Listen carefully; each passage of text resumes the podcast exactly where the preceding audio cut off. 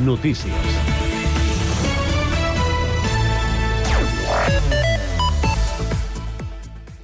L'any 1973, Sant Cugat va viure el naixement del primer espai cultural del municipi, la Galeria d'Art del Vallès, que amb els anys es rebatejaria amb el nom de Canals Galeria d'Art. La que avui en dia és una de les galeries més antigues de Catalunya i per la qual han passat més de 20.000 obres, que ha complert ara 50 anys. Un aniversari que l'impulsor de la galeria, el santquatenc Josep Canals, viu amb orgull i certa nostàlgia d'un temps que creu que ja no tornarà. Escoltem-lo. Que no em, parti... no em talleu l'esperit. L'ànima? Què és l'ànima?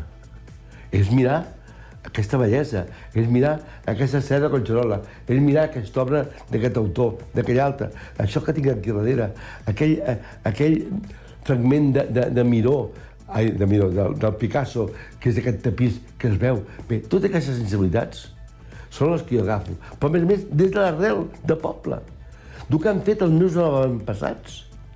I aquí he deixat el meu granet de sorra. Els inicis de la galeria van estar marcats per l'Escola Catalana del Tapís.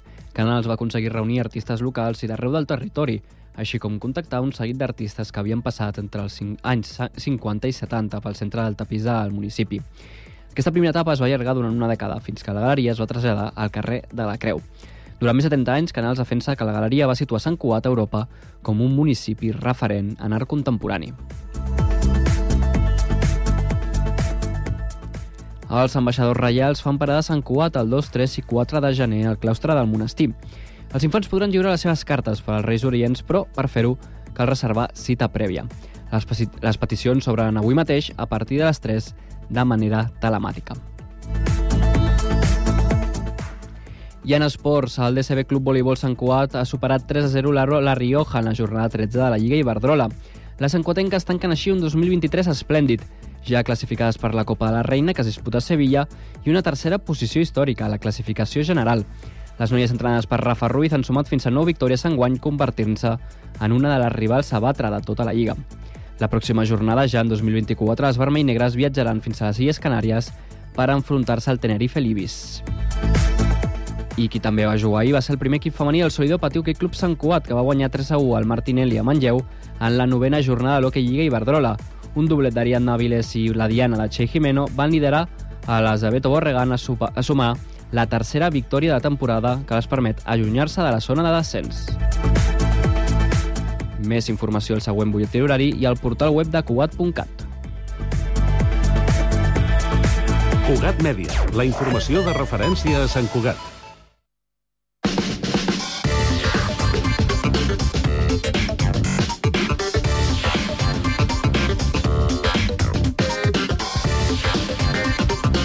De la tarda, 3 minuts, inici de la segona i última hora d'aquest Connectats de dijous. I anem amb la informació de servei. Comencem pel trànsit.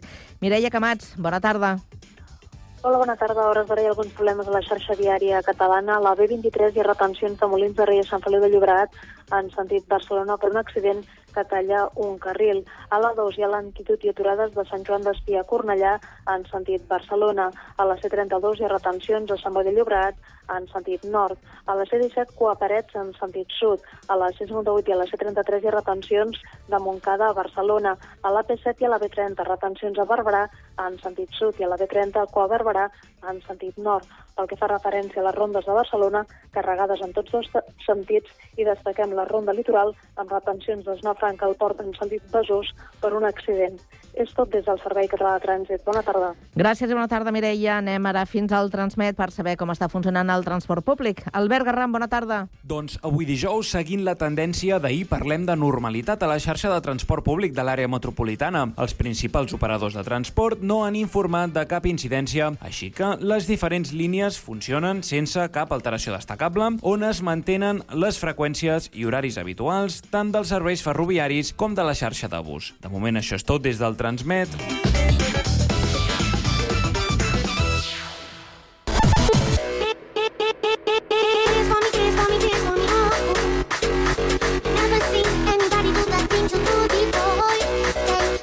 Connectats, una experiència radiofònica a Sabadell, Terrassa, Sant Cugat, El Prat, Castellà i Badalona.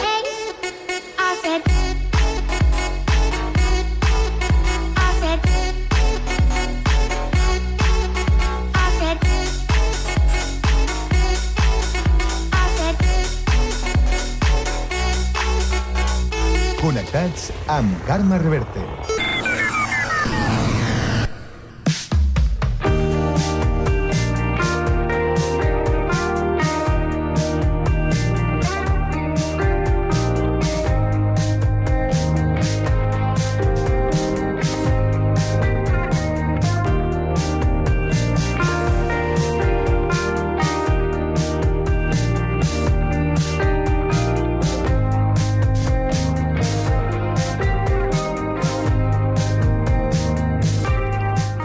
Inquieta, emprenedora, però sempre vinculada a la comunicació. Així és la periodista i editora Judit Martínez, que acaba de publicar Destino Belleza. Avui la coneixem més personalment. Bona tarda, Judit. Hola, bona tarda, Carme. Com estàs? Jo molt bé, i tu? Jo també, i ben acompanyada. Sí, ja et veig. Eh? Sí. eh escolta, Judit, tu no vas néixer a Sant Cugat. No, jo vaig néixer a Barcelona, tot i que he viscut tota la vida a Sitges. Has viscut a Sitges tota la vida? Tota la vida, sí. I quan arribes a Sant Cugat? A Sant Cugat arribo a l'any uh, 2000, 2002. Em vaig casar, el meu marit es va comprar un pis de solter aquí al barri del Monestir i, i vaig caure aquí. O sigui, no m'ho hagués pensat mai que acabaria a Sant Cugat. Perquè Barcelona, no, no Sitges, Sant coneixia Cugat. la ciutat. No tenies referències? No, alguna, perquè a mi m'agradava muntar cavall i tenia un amic que tenia un cavall aquí a Sant Cugat. I jo sabia que, que a Sant Cugat hi havia moltes hípiques i poc més. També tenia eh, com a referent el xic Sant Cugat, tot i que no Home, havia vingut el mai, però els meus amics també venien molt de, de marxa a Sant Cugat. Mm -hmm. eh, de totes maneres, la teva infància eh, on transcorre? A Barcelona o a Sitges? Infància, infància a Barcelona, a Sitges, perdona. A Sitges. Adolescència ja més a Barcelona. Uh -huh. Sí, perquè vaig estudiar, jo a tercer de BUP ja vaig eh, estudiar a Barcelona, al COU me'n vaig anar als Estats Units i després ja vaig a tornar a Barcelona i, i vaig estudiar la carrera, el postgrau, el màster, tot a Barcelona. Eres una bona estudiant? Jo crec que, que bueno, no tant com sembla, però sí que m'ha agradat estudiar.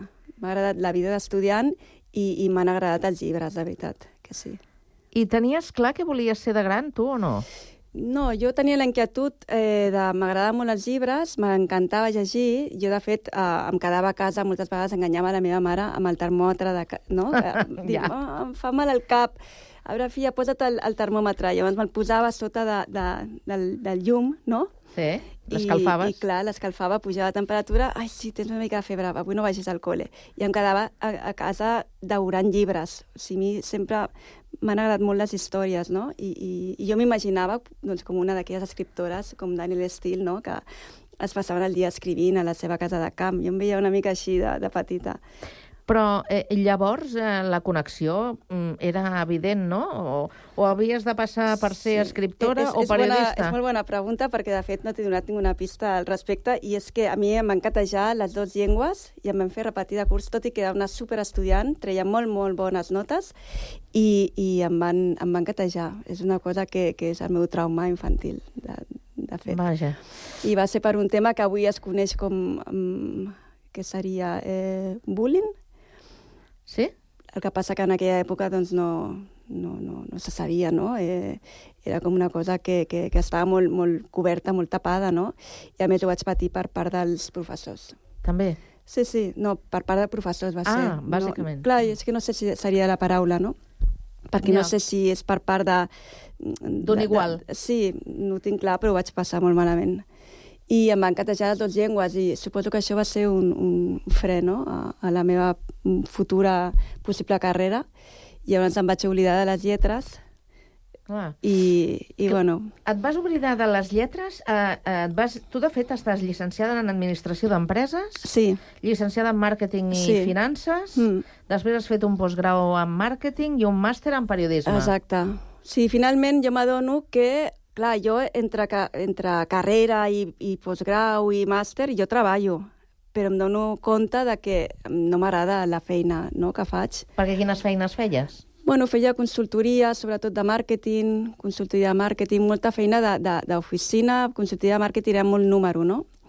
Era la part una mica de, de, de dins, no? de, de, de, dels números per, per fer diferents campanyes, doncs mires eh, bueno, la, la viabilitat, no? I, i, els resultats de totes les accions que es van fent, no? Era, era, que època era màrqueting directe i, i bueno, em passava el dia fent Excels.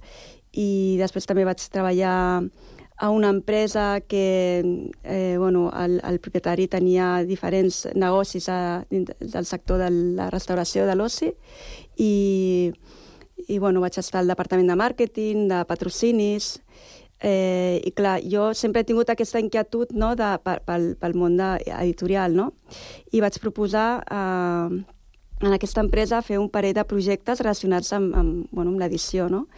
I, I un no va... Bueno, ningú dels dos els vaig arribar a, a portar a terme, però sí que van ser com embrions d'altres projectes que van sortir mm, i que van bueno, portar a terme unes altres persones, no? que no vaig ser jo.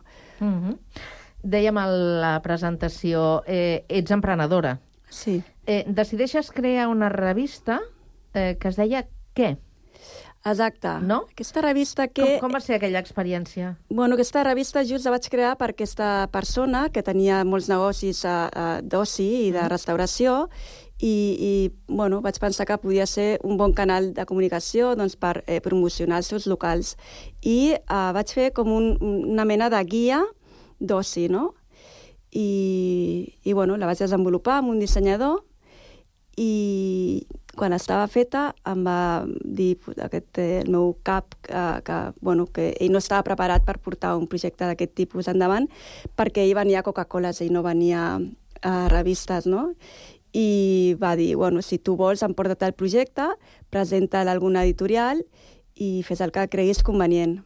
Llavors jo me'l vaig emportar i vaig anar a un parell d'editorials. Eh, però, bueno, clar, imagina't, jo era una noia doncs, jove, anava amb el, com amb el, lliri, amb el lliri a la mà, no? i no em van prendre molt seriosament. Sí que els va agradar el projecte, de fet, eh, bueno, van agafar les idees que els hi va, eh, els hi va agradar, i, i bueno, jo em vaig quedar, doncs, a, vaig agafar el projecte, el vaig guardar dins un calaix, no? Però, però bueno, sí que et puc dir que, que aquesta revista amb el mateix nom, no, no, no la mateixa revista, però, però un diari important de, mm, estatal va agafar uh, el nom i va fer la seva pròpia revista i quan ens vam enterar el primer número el vam impugnar perquè mm, bueno, sí, també aquest, mm, el propietari d'aquesta empresa em va recolzar no? per eh, poder impugnar el, el, el projecte i, i bueno, tampoc sabia molt bé no? que per què tenia que tirar d'un darrere, no? Perquè finalment jo no, no era periodista, jo tampoc estava en aquell món, llavors era com molt difícil que, que jo pogués eh, ubicar-me en alguna editorial simplement perquè havia tingut una, una idea de crear una, una revista de tip, tipus doncs, guia, no? Mm. Amb un disseny molt maco i tal, però que tampoc havia fet jo. No sé, va ser bueno, una experiència de la I, que vaig és, aprendre. I és per això, Judit, que decideixes estudiar periodisme? I sí, clar, jo em vaig veure que no estava preparada no, per fer continguts, que al final era la meva aportació. A mi m'agradava escriure des de sempre, però no tenia prou tècnica, no? I, i sí, per això vaig estudiar periodisme. Mm -hmm. Fas un nou intent eh, emprenedor amb la creació de, de Zanilo, que és una empresa sí. eh, familiar que es dedica ja sempre al màrqueting eh, professional. Aquesta vegada surt millor la cosa, no? Sí, eh, amb el meu marit vam crear una empresa de comunicació i de màrqueting promocional. Ell portava la part de màrqueting promocional perquè bueno, portava molts anys treballant per una altra empresa i, i jo el vaig apoyar. Uh, al principi ens dedicàvem els dos a, a aquest tipus de, de servei, de donar servei sobretot a, a bancs, no? amb el disseny i la producció d'articles promocionals, però després, una vegada que ja l'empresa anava rodant, ja rodava, eh, vaig decidir incorporar l'àrea de comunicació, que al final era per el que jo m'havia preparat, no? I vam crear Zanilo Comunicació. Mhm. -huh. Però tu tenies allò entre cella i cella fer una revista, no? Eh, sí, sí. I al final què? Al final faig un intent, faig una altra maqueta per Sant Cugat, una maqueta d'una revista que es deia I Love, així a l'espanyola, no? O sigui, sí, tal qual, I sí, Love. I-L-O-F, I Love sí. Sant Cugat, i, i bueno, venia a ser com... A veure, jo des de que visc a Sant Cugat doncs he conegut el tot Sant Cugat i, i em sembla que és una, una, un, un mitjà de comunicació doncs, que, que, que, que abarca l'actualitat de la, de, del poble, no? de la ciutat, però jo m'imaginava que, que, bueno, que a Sant Cugat també podia haver-hi altres productes editorials, no? més tipus magazine, eh, amb un altre disseny, no sé, algo diferent. Algo diferent perquè, eh, bueno, i, i al final és el que volia fer, no? Ja que vivia a Sant Cugat, eh, pues, vaig pensar, per què no fer un altre, un altre producte no? editorial. Amb un altre estil. Amb un altre estil, exacte. I ho vaig intentar, vam fer un, una maqueta amb un altre dissenyador, però mm, a la que vaig començar a picar portes um, no vaig veure massa... Uh, Receptivitat. No, no, perquè em deien, no, perquè nosaltres ja sortim al tot Sant Cugat, ho veien com, com un tot, però, bueno, un altre disseny. I no vaig saber transmetre no, el que jo volia fer, ho vaig deixar córrer i al cap d'uns anys veig, li he de donar una volta perquè eh, pugui fer jo la revista que, que, que, que sempre he volgut fer. I així és com va sortir Flash Deco, te'n recordes? Sí, Flash Deco, sí. Sí, que la idea era fer una revista local gratuïta eh, de decoració, com de... De, bueno, ja, de ja, qualitat. Sí, i de, i de molta qualitat, no? Sí. Un paper, doncs, eh, maco, de, de, un gramatge, doncs, superior, amb unes disseny, fotografies xules, amb no? unes bones fotografies, i, i això sí que va encaixar, no? La gent ho veia... Com que no veia que competència del que ja hi havia al mercat, no? Això és diferent. O sigui, al final la gent vol que, que, que els ofereixis alguna diferent, no? Quan els hi vas a vendre, jo per exemple he venut també comunicació, no? I volen que, que, bueno, que el que els ensenyis sigui diferent al que han rebut d'altres eh, empreses, no? Mm -hmm. I això va passar amb la revista, amb Flash Deco, no? Que van veure que era algo totalment novedós. I ara la teva última creació és eh, el llibre Destino, Destino Belleza. Sí. La història personal de la Sílvia Oliete, que és fundadora de Blau Cel Dona. Exacte. Llavors jo paral·lelament als meus projectes empresarials doncs sempre he tingut la inquietud d'escriure, de, bueno, com a escriptora, de, bueno, faig articles periodístics, però també m'agrada eh, més a, aquesta faceta no? de, de portar eh, bueno, algun, a, alguna creació més, més personal, no? on mm -hmm. jo pugui posar més el meu punt de vista, la, les meves eh, sensacions, no? o sigui, no anar tant al, al, al fet, no? I, i bueno, tinc alguna experiència eh, en quant a escriure altres llibres, no? a nivell molt amateur, i, i amb la Sílvia la vaig conèixer perquè ella era clienta de Flash, eh, Flash Beauty Barcelona, perquè vam crear diferents revistes temàtiques aquí a Barcelona. I li agradava molt com escrivia i un dia estàvem parlant d'un reportatge i, i vaig veure que, que ella tenia moltes històries dintre de la seva pròpia història, perquè ella dona feina a 20 persones i aquestes 20 persones es tracta com si fos la seva mare a l'empresa, uh -huh. no? Llavors es cuida molt, però també és molt exigent. Però aquestes noies este, eh, bueno, eh, estan com molt agraïdes i la, i la respecten molt i la valoren molt, és com el seu gran referent, no?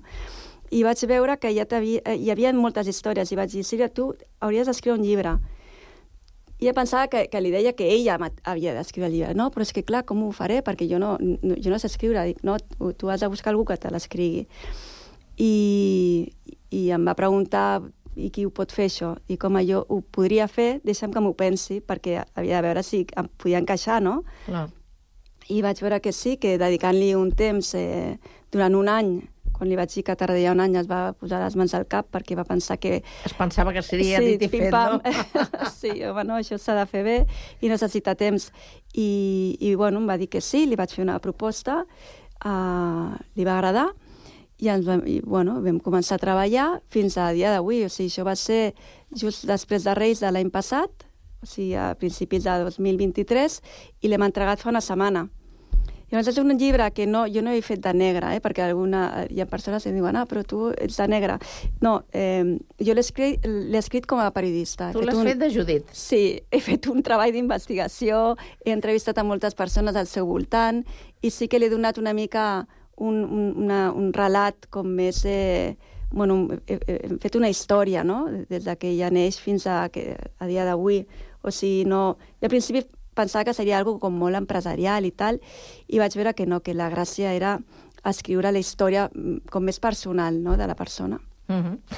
I amb tanta inquietud, eh, suposo que també tens eh, moments de calma, perquè en algun moment has de, has de parar, no? Sí. T'has de relaxar o has de pensar o has de fer el que et vingui de gust.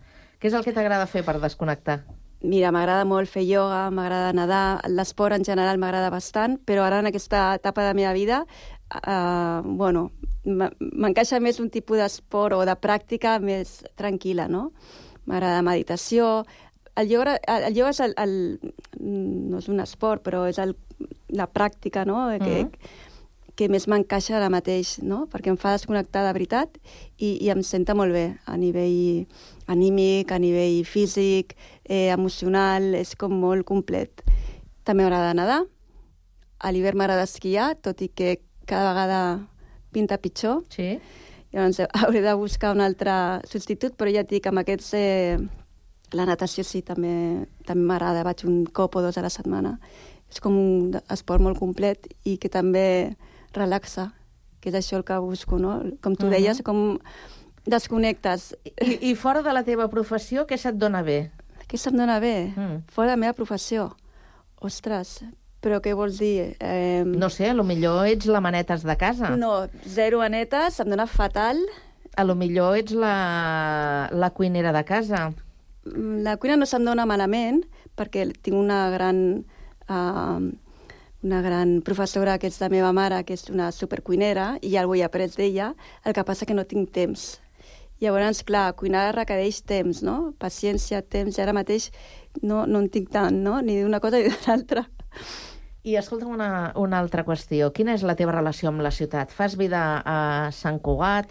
Eh, formes part d'alguna entitat? Eh... Bueno, formo part de- d'un parell d'associacions, de Sant Cugat Empresarial, eh, A de Vallès també, tenim col·laboracions eh, a nivell d'empresa, però jo crec que és més a nivell... mm, Bueno, Com a ciutadana? I com a com ciutadana? a ciutadana m'agrada molt... Bueno, soc eh, eh, sòcia del Club Júnior, llavors faig servir les instal·lacions del club, i, i a Sant Cugat, doncs, bueno, m'agrada m'agrada passejar per la ciutat, és una ciutat que em trobo còmoda, tinc amics, perquè clar, jo vaig arribar aquí que no coneixia ningú, no? Absolutament a ningú. Mhm. I a poc a poc, doncs, bueno, ara vaig pel carrer i, i, i saludo, saludo bastant a la gent, no? I això m'agrada. Fas vida de poble. Bastant, sí. Sí. Sí, cada vegada més. Bé, doncs acabem aquesta conversa, Judit, i ho fem amb un tema musical de... d'aquí. A veure, qui has triat? Jo he triat a la Taylor eh, Swift, perquè jo crec que és la persona de l'any, no? És la persona de l'any, és una artistassa, és una dona superinspiradora. Jo ara cada vegada em fixo més amb les dones. Abans era com que no m'acabava de portar bé amb elles i ara penso que, que les dones hem estat com una mica mm, reprimides, no? I, i valoro molt doncs, a les noies i dones valentes, no? I la Taylor Swift és, és una passada, o sigui, mou masses, eh, ha fet una feina increïble i l'han anomenat eh, persona de l'any. Jo no li dedico una portada, però sí que aquest espai, no?, de, bueno, dins de, de la meva entrevista, doncs, Ens és podem com el meu sumar. petit homenatge.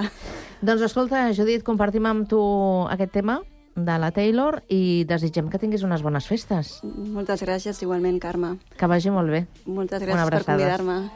Don't say I didn't, say I didn't warn ya. So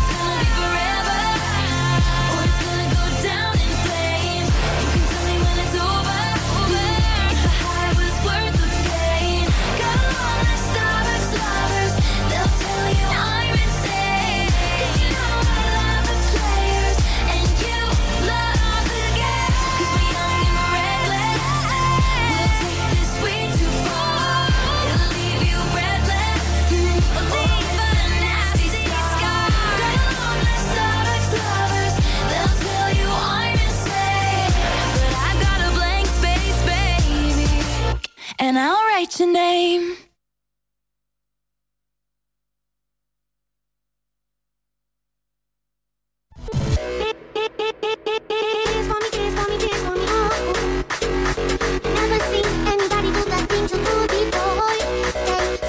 Connectats, una experiència radiofònica a Sabadell, Terrassa, Sant Cugat, El Prat, Castellà i Badalona.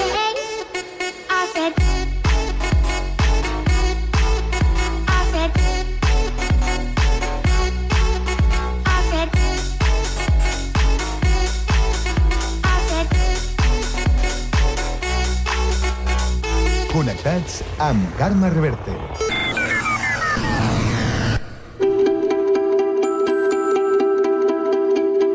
Connecta't al patrimoni.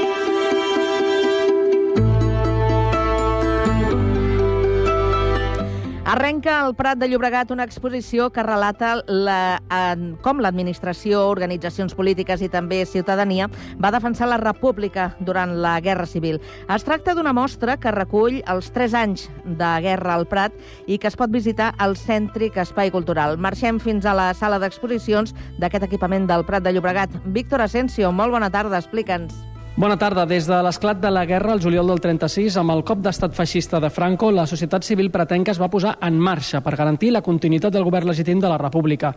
Tot això es recull a la mostra La defensa de la República, al Prat de Llobregat 1936-1939. Saludem en Jordi Ramos, que hi és comissari de l'exposició. Bona tarda. Bona tarda. Què podem veure en aquesta exposició? És una exposició que recorre aquests tres anys de guerra al Prat. Eh, quins eh, espais i quins indrets veurem aquí a la, en aquesta exposició? Doncs, lògicament, el que representa la Guerra Civil és una mostra. És una mostra petita, però des de l'arxiu municipal hem volgut també fer aquesta mostra i aquesta mirada, sobretot del paisatge del que queda avui dia i també el que va representar a nivell defensiu a la població, perquè sempre tenim eh, la mirada posada en grans ciutats, en grans batalles, però què va passar també a la rereguarda, o sobretot com es va defensar el, el Prat o, i com va entrar dintre de plans militars dintre la Generalitat o de l'estat espanyol. I és aquesta mirada que ara mostrem, sobretot de què va significar aquesta rereguarda a nivell defensiu eh, al Prat de Llobregat. Ara de seguida entrem una mica més en detall, però jo em pregunto, Uh, tot i que l'estat, uh, el, cop d'estat no se sabia exactament quan, ser, quan seria, sí que hi havia un run-run, la societat civil ho sabia, la, la, la societat política també uh, sospitava que els militars en algun moment es, es podrien alçar. El Prat, l'administració, els sindicats, la societat, estava preparada aquí al Prat per un cop d'estat? Aquí, eh, excepcionalment, el Prat estava preparat, sobretot per la influència que té l'aeronàutica naval i sobretot l'aeròdrom, perquè el tinent, el tinent coronel, eh, el Díaz Sandino, ja va preparar de milicians l'aeròdrom, a la qual cosa, quan va esclatar la guerra, ja l'aeròdrom ja estava per ser defensat i sobretot també per atacar als l'exèrcit rebel. Clar, però aquest cop d'estat, en aquest cas en el concret del Prat, doncs sí que hi havia certa previsió. A Barcelona, per exemple, no va haver-hi tanta previsió. Uh, va haver-hi aquests alçament.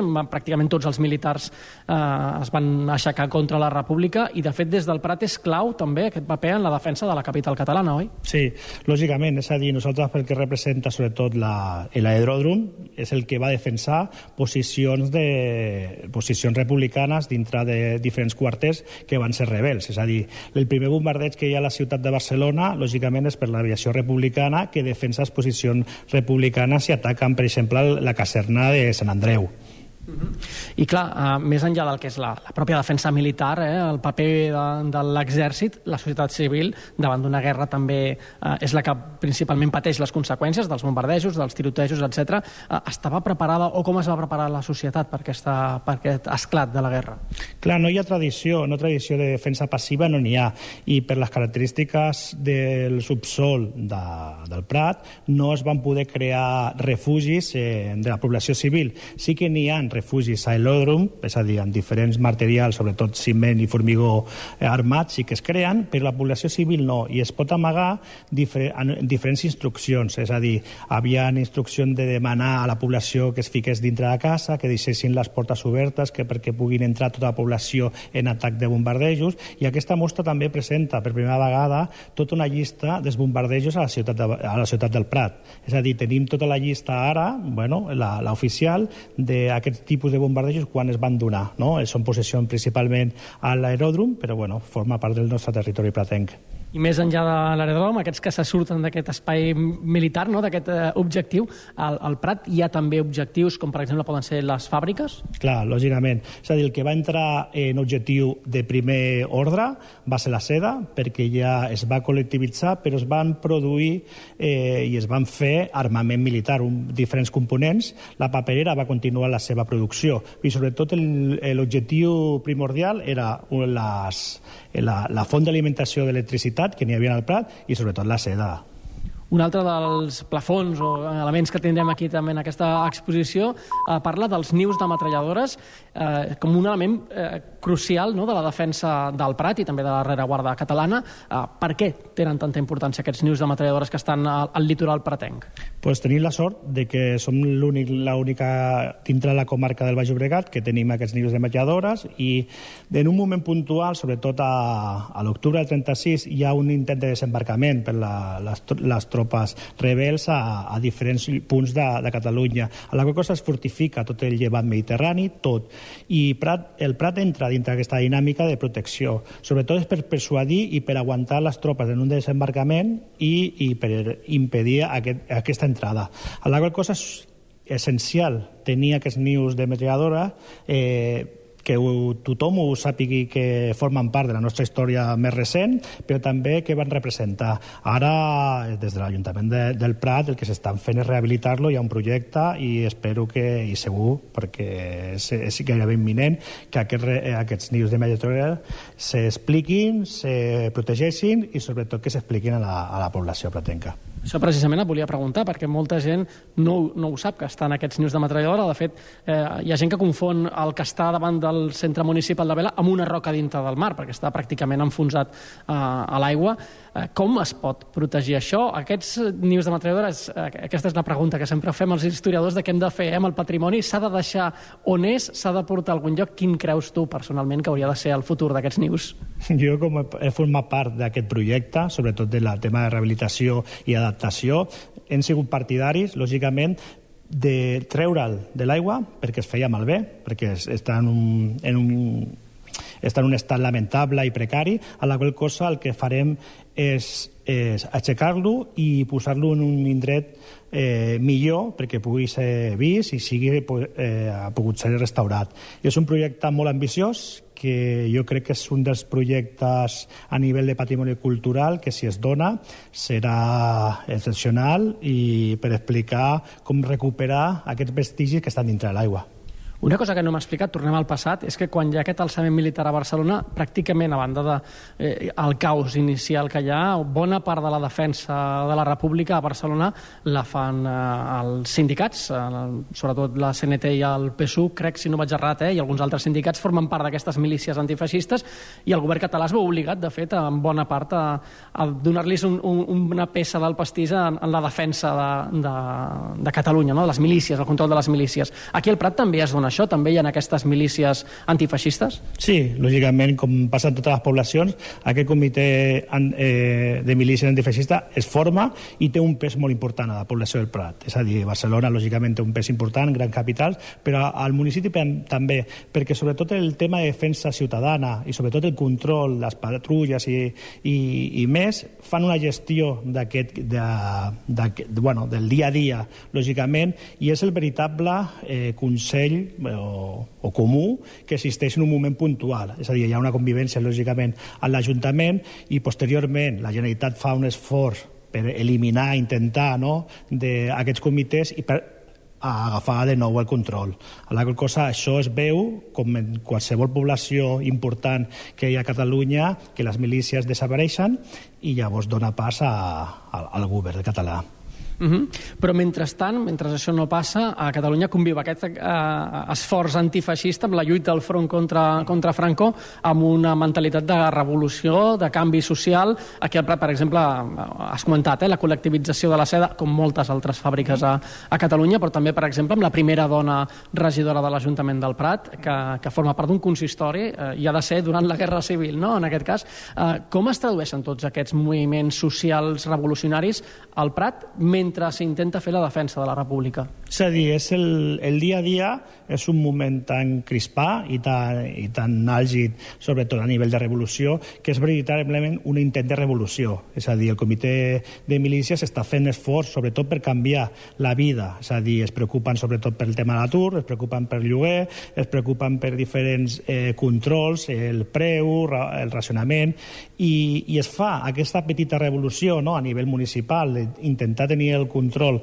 aquest comitè milícies i és el dia a dia, és a dir, hi ha novetats i, lògicament, hi ha millores, no? sobretot també en l'educació, la primera dona, i, i és el control, sobretot. A nivell, lògicament, la guerra té el seu transcurs i té moltes fases, i, i tot canvia, és a dir, a partir dels fets de maig del 37 tot canvia aquests fets de maig amb el, no, l'enfrontament entre comunistes i anarquistes, també eh, eh, aquí també entraria en Poum, eh, que també són comunistes, però vaja, eh, això fa canviar, com bé deies, no? el govern eh, el pren una miqueta més la, la república, eh, però mentrestant també, eh, dèiem, eh, aquests canvis revolucionaris, també el paper de la dona canvia durant la guerra, a la rereguarda passa a ser un paper fonamental, ho havia estat sempre al llarg de la història, però ara més ho tenia amb el focus, no? les dones eren importantíssimes i l'administració reclamava a les dones que fossin actives en la defensa de la república. Clar, és el, el paper de la dona durant la guerra és molt important. És veritat que la historiografia ara es, comença a preocupar eh, i és lògic perquè el paper que representa la dona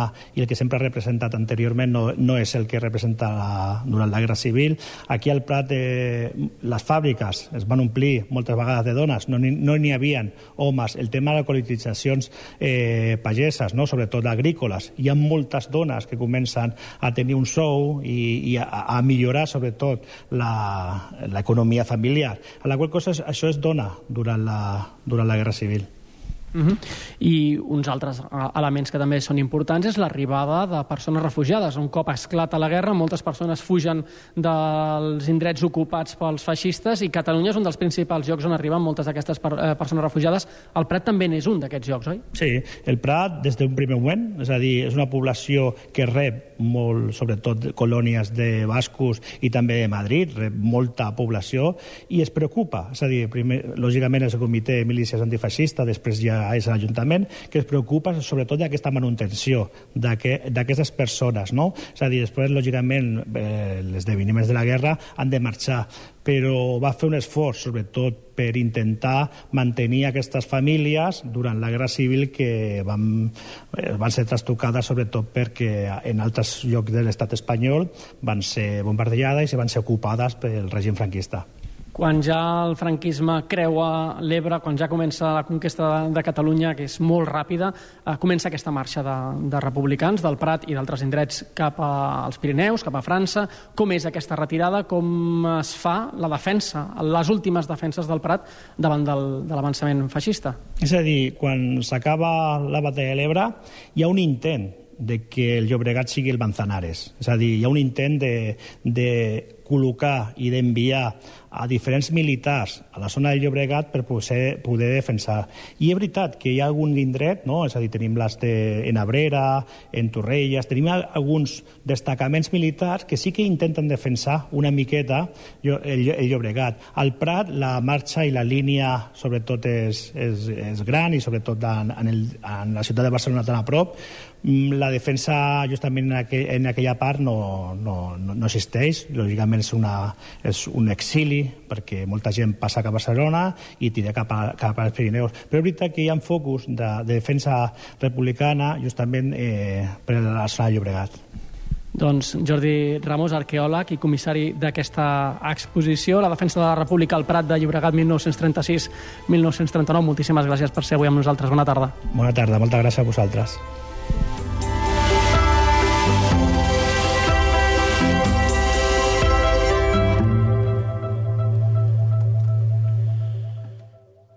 Bona tarda, sóc el Marc Fernández del Prat de Llobregat i la recomanació cultural que us vull fer aquesta setmana és la nova sèrie, el nou reality de Netflix, El Juego del Calamar, que doncs, eh, ha agafat com a idea part de la idea de la primera part del Juego del Calamar, que sí que era en format eh, sèrie, i el passa a reality, el passa a reality el mou fins als Estats Units i doncs eh, tracta d'anar fent diferents jocs durant, durant tots uns dies, uns 450 persones es presenten a aquest reality i només guanya una persona que s'endú 4,6 milions de dòlars. I doncs eh, la dinàmica és similar al Juego del Calamar anterior, amb la incorporació de nous jocs i de noves dinàmiques doncs, que fan que, que s'animi més i que no només depengui de l'astúcia, de la rapidesa, de lo bo que siguis jugant alguns dels jocs, sinó que a més a més també de l'atzar, perquè a vegades hi ha maneres d'eliminar-te molt tontes, molt que ho decideix l'organització, que ho decideix un altre jugador, i mm, li dona aquest gir una mica que el, que el fa més interessant. Són eh, 10 capítols, però passen volant, són divertits, són entretinguts, són molt xulos, la veritat. Bona recomanació. Que vagi bé.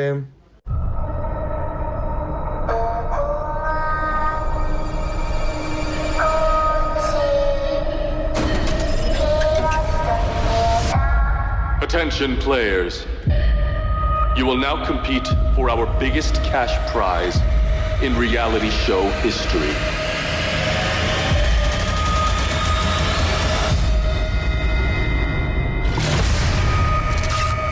You have got to be kidding me. Oh my god. $4.56 million. People do a whole lot worse for a whole lot less.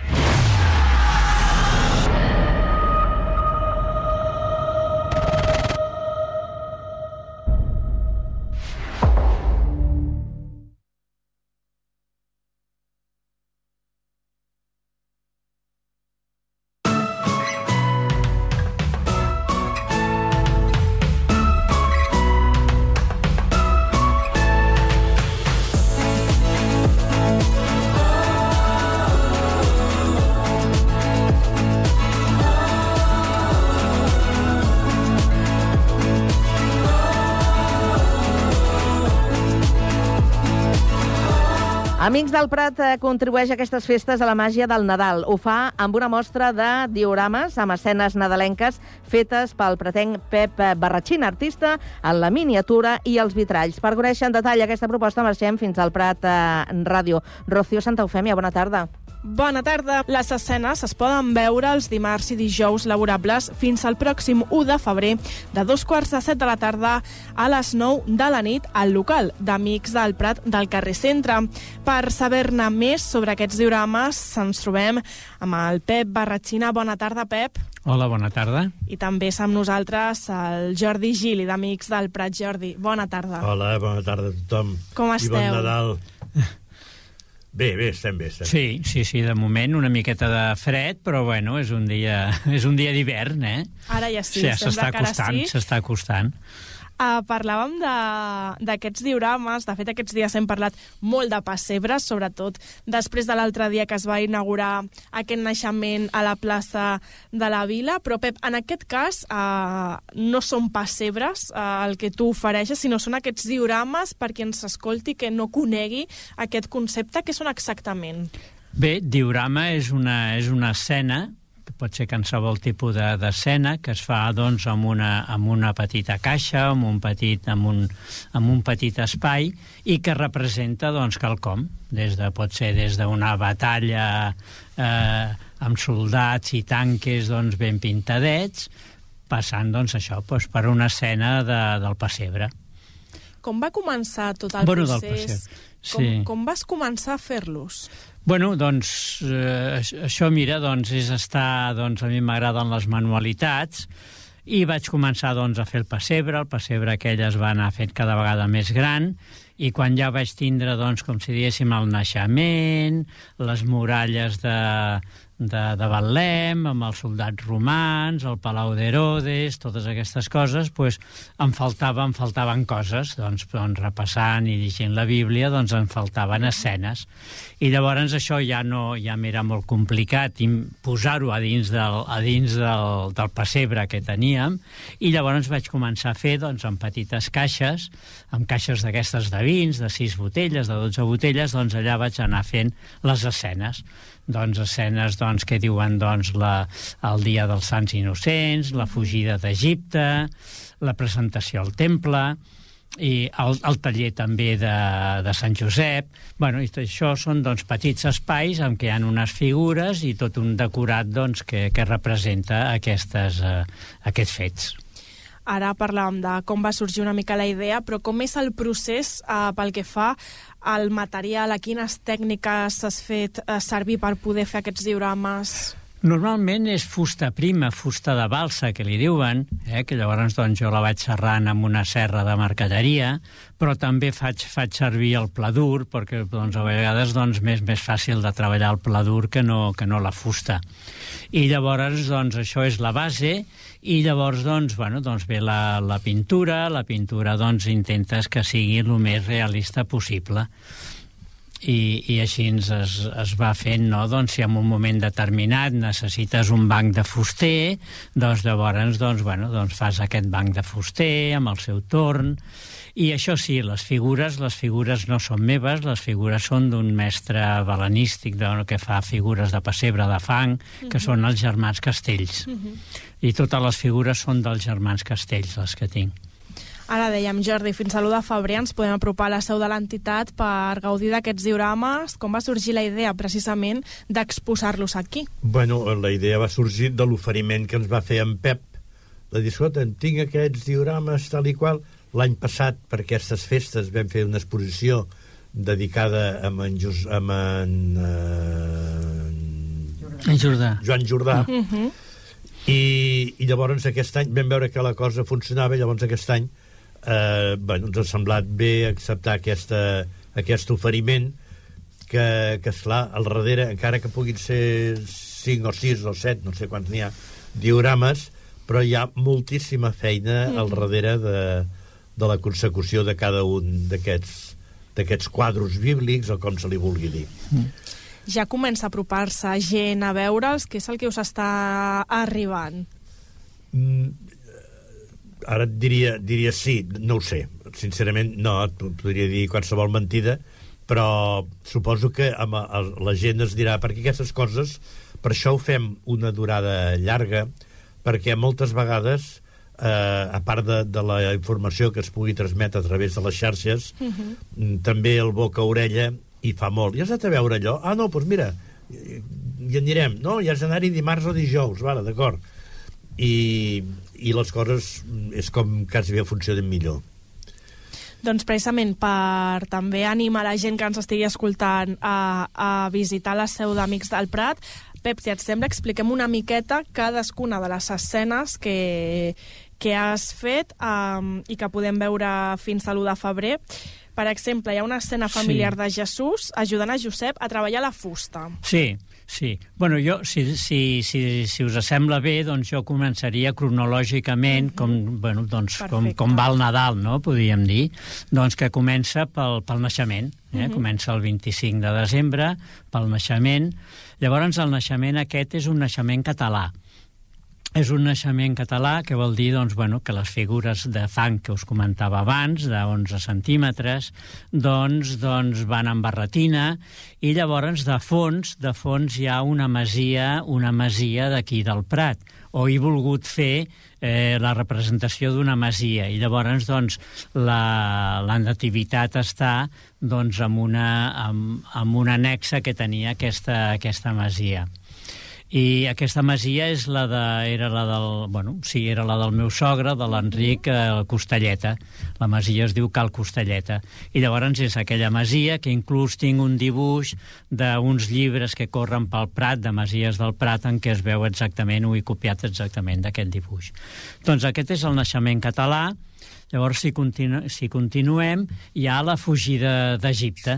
La fugida d'Egipte, doncs bé, doncs és un taló de fons amb, unes, amb uns estels que són unes llums que s'encenen de color blau, que s'encenen i s'apaguen, que volen dir els estels, i que estan en una mena d'oasis, eh, la Verge Maria, el nen Jesús i Sant Josep estan en una mena d'oasis, Sant Josep doncs, agafant, agafant el que significaria doncs, aigua, eh, fent, com fent, fent la sopa, fent el sopar, i llavors doncs, la Verge Maria al costat del foc i una somera doncs, que està una mica més apartada. Llavors l'altre diorama és el dels Sants Innocents, que bueno, doncs es veuen uns soldats, uns soldats romans. Jo he fet una, una casa, una casa doncs, bueno, doncs, d'estil de, àrab, d'estil àrab, de les, bueno, doncs, mirant, les, mirant doncs, doncs, les, les cases que havien llavors, o que s'imaginava que havia llavors, amb una, amb un, amb una bòveda doncs, rodona, doncs, bueno, doncs una casa amb unes finestres i bueno, uns soldats romans doncs, que tenen uns nanos, uns nens petits a la mà i una, una espasa a l'altra i que significa que els estan matant i les mares doncs, bueno, doncs molt ploroses doncs, doncs una doncs, doncs a terra fent gestos de, de desesperació. Després vindria la presentació, la presentació al temple, eh? la presentació al temple, que de fet cronològicament aquest tindria que anar després del naixement perquè a mi me sembla que se'n van anar cap a Egipte i tot això després dels 40 dies bueno, és la, però bueno, després tinc la presentació del al temple, que és els 40 dies el dia de la Candelària que aquí potser podríem, si, si, si us sembla, podríem fer un parèntesis i explicar una miqueta perquè es diu la Candelària i perquè se celebra el 2 de febrer, que millor doncs molta gent no, no ho sap.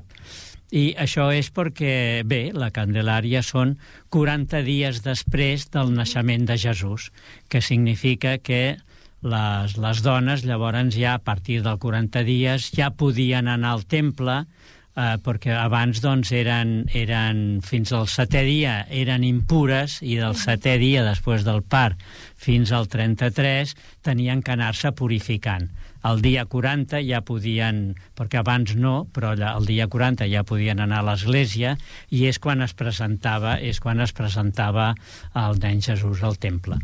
I es diu Candelària perquè a la presentació el, el sacerdot del temple que es deia Simeón, doncs va dir, ostres, unes paraules semblades a les que diré, no, ara no recordo exactament el, el text, però va dir, aquest, aquest, aquest nen serà la llum del poble.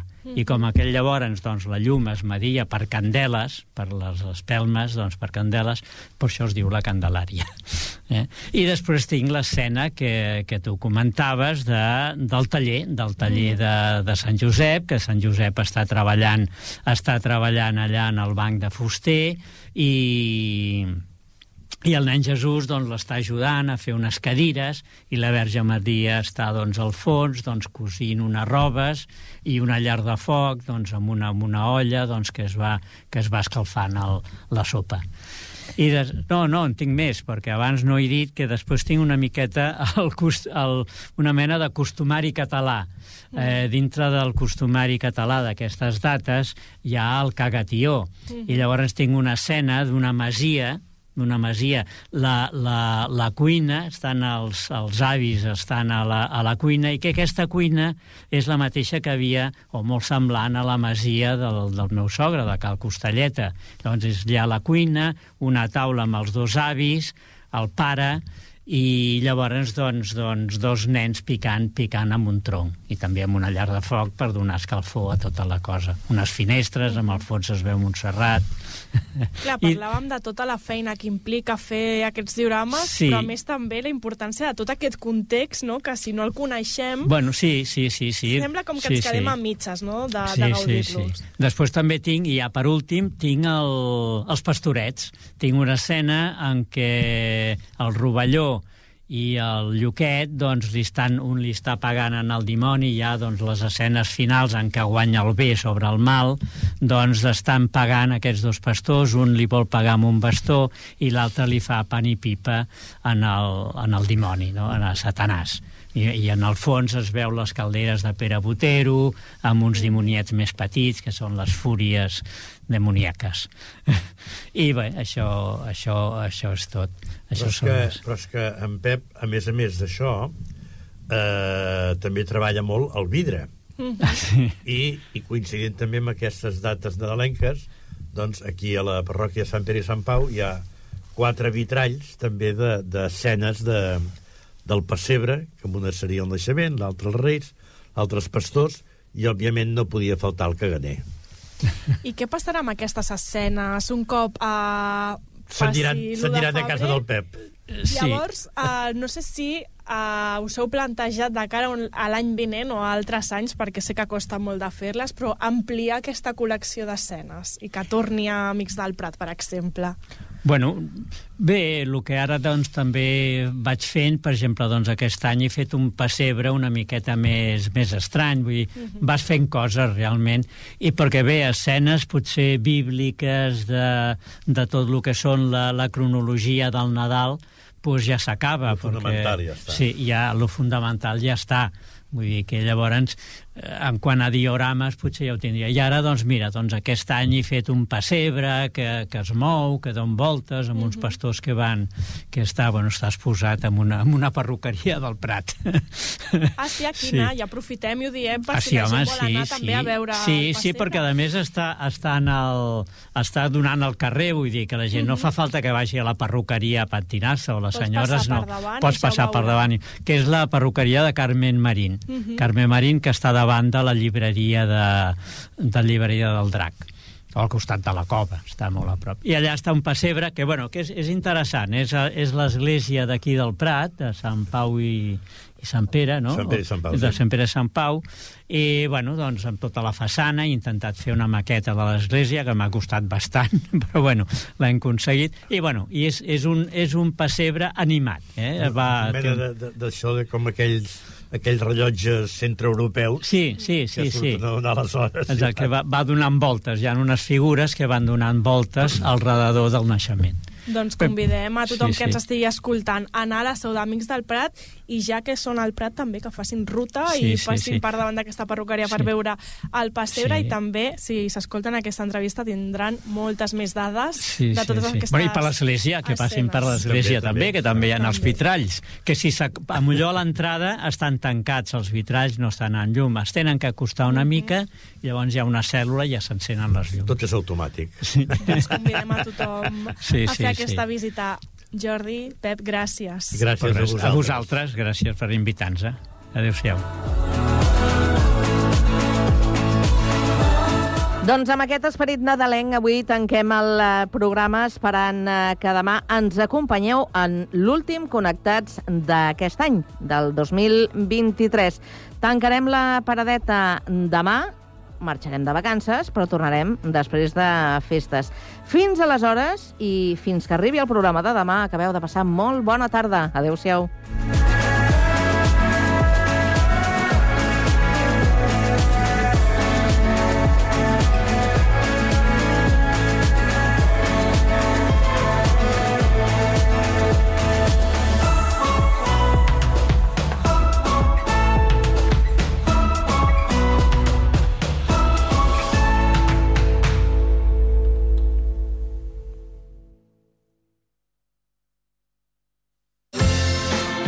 Tens Sant Cugat a la butxaca? La targeta de punts de més de 80 botigues de Sant Cugat. Si no és així, sol·licita-la a les botigues adherides i aconsegueix un munt d'avantatges. Descomptes, obsequis, promocions especials, barrets de la nit en blanc i... No ens podem allargar tant. Consulta www.santcugatalabutxaca.cat. Ara també utilitza la teva targeta al Mercat de Torreblanca.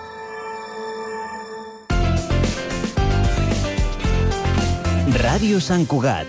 Cugat Mèdia.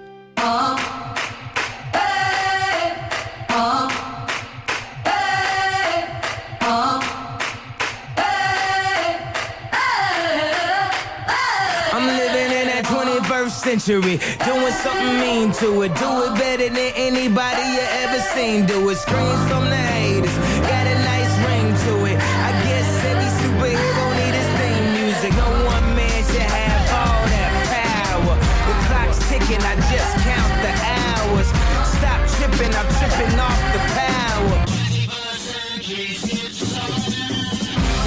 broken, the school's closed, the prison's open.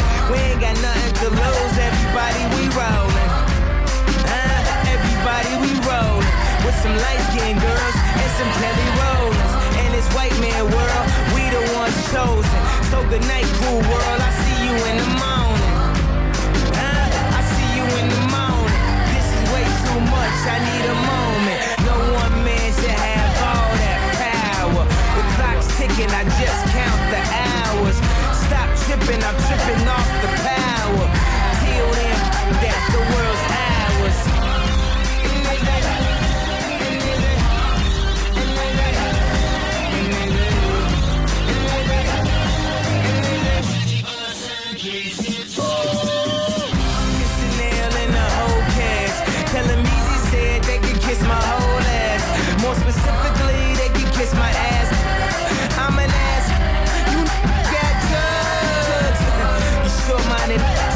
Napoleon. My furs is in my ice. Brought the goalies in nine body, every characteristic of the egotistic. He knows he's so fucking gifted. I just needed time alone with my own thoughts. Got treasures in my mind, but couldn't open up my own vault. My talent, like creativity, purity, and honesty is honestly being crowded by these grown thoughts. Reality is catching up with me, taking my inner child. I'm fighting for custody with these responsibilities that they entrusted me. As I look down at my diamond and crush the piece, thinking no one man should have.